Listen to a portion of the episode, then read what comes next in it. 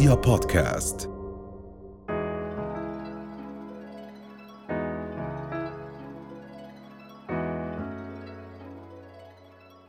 العديد من الأشخاص بتساءلوا عن صحتهم.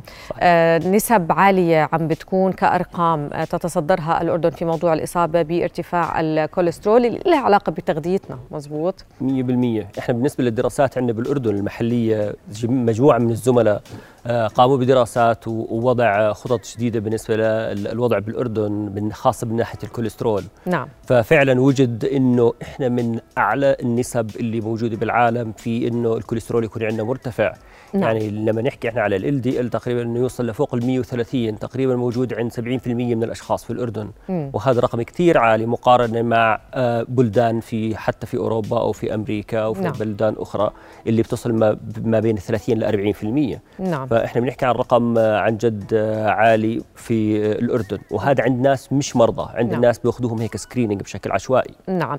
طب خلينا نحكي عن النسب يعني المناسبه سواء عم نحكي عن الرجال النساء والأطفال كنسبة كوليسترول إحنا بهمنا جدا أكثر مما إنه يكون نفرق ما بين إنه أطفال أو صغار أو كبار نعم. أو بالنسبة للنساء أو حسب الجنس النساء ورجال نفرق إنه قديش في عندنا معامل معامل خطورة. أيوة. قديش في عوامل خطورة موجودة. عوامل الخطوره المشهورة والمعروفة اللي هي بتسبب الجلطات القلب وتصلب الشرايين الشرايين التاجية أو الشرايين بالجسم بشكل عام.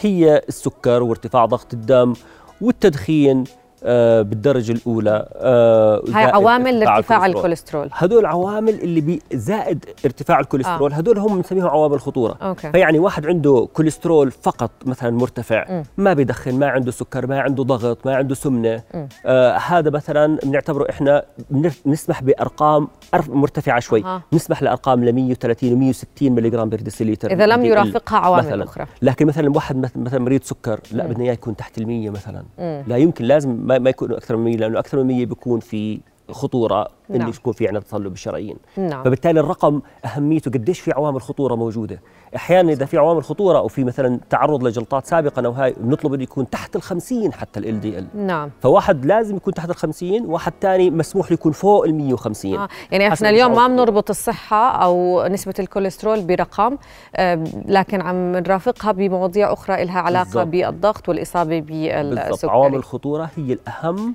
نعم. إنه قديش لازم يكون ال LDL طيب إحنا بنحكي عن كوليسترول جيد وكوليسترول أيضا ضار صحيح. فحدثنا عن الفروقات وكيف نحاول يعني ننظم هذا الرقم خصوصا إنه ما في أعراض هو الفحص الوحيد فحص الدم 100% هلأ هو المهم جدا في الموضوع إنه في عندنا ثلاث ثلاث ثلاثة مهمين جدا اللي هم ال LDL هو الكوليسترول الضار م. اللي هو density lipoprotein نعم. وال high density lipoprotein اللي هو الكوليسترول النافع هذا المنيح م. وفي عندنا اللي هو triglyceride اللي هي بنسميها الشحوم الثلاثية بالعربية. يعني نعم. فهذول هم ثلاثة الشحوم الثلاثية وال LDL هذول سيئين. ال HDL اللي هو الكوليسترول النافع هذا اللي هو ال high density lipoprotein هذا هو النافع أو هذا هو المنيح أوكي. نعم. طبعا هذا رفعه إن نعليه ونخليه بالجسم يكون بشكل عالي هذا صعب شوية. آه ما نقدر نتحكم عن طريق التغذية. ممكن عن طريق التغذية بحيث أهم شيء إنه يرفع ال HDL الابتعاد عن التدخين الإكثار من الرياضة والمكسرات والأوميجا أو زيت السمك أو السمك والأشياء هاي أوكي. هدول الأشياء اللي عن جد بيرفعوا ال HDL نعم. زائد زيت الزيتون بالمناسبة مم. الوحيد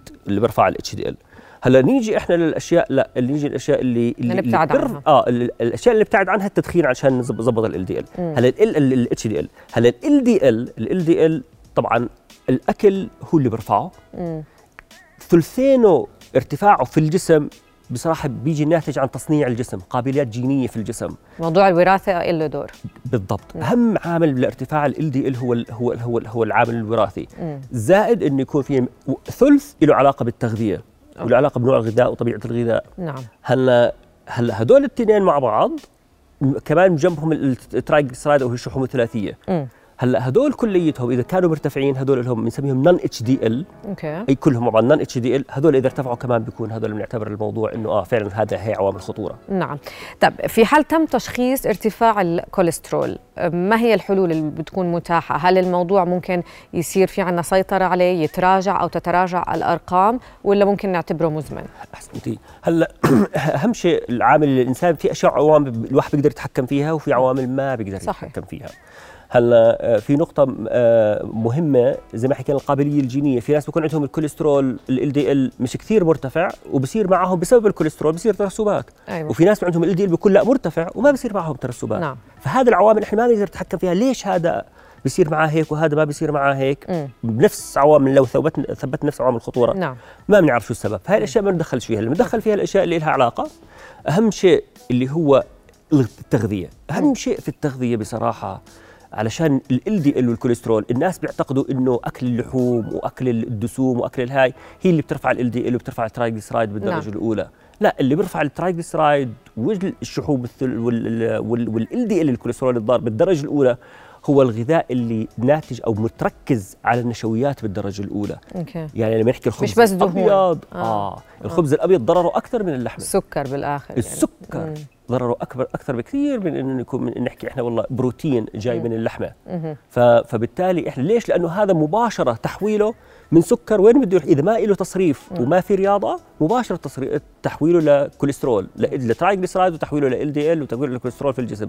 سواء كان بيترسب أو بيضل موجود في الدم. بالإضافة للدهون المشبعة صح؟ بالض- بالضبط. ولا بس عم نركز أكثر على النشويات والسكر؟ آه هلا هلا هلأ طبعا الكوليسترول بشكل عام هلأ أي أكل واحد باكله ما بصرفه راح يتخزن بالجسم بشكل دهون فبالتالي هو ضرر. نعم. أي أكل حتى شو شو. ما كان منيح. لكن في أشياء بالذات هاي بتكون سيئة جدا. لما نحكي عن النشويات نحكي عن السكر هذول سيئين جدا.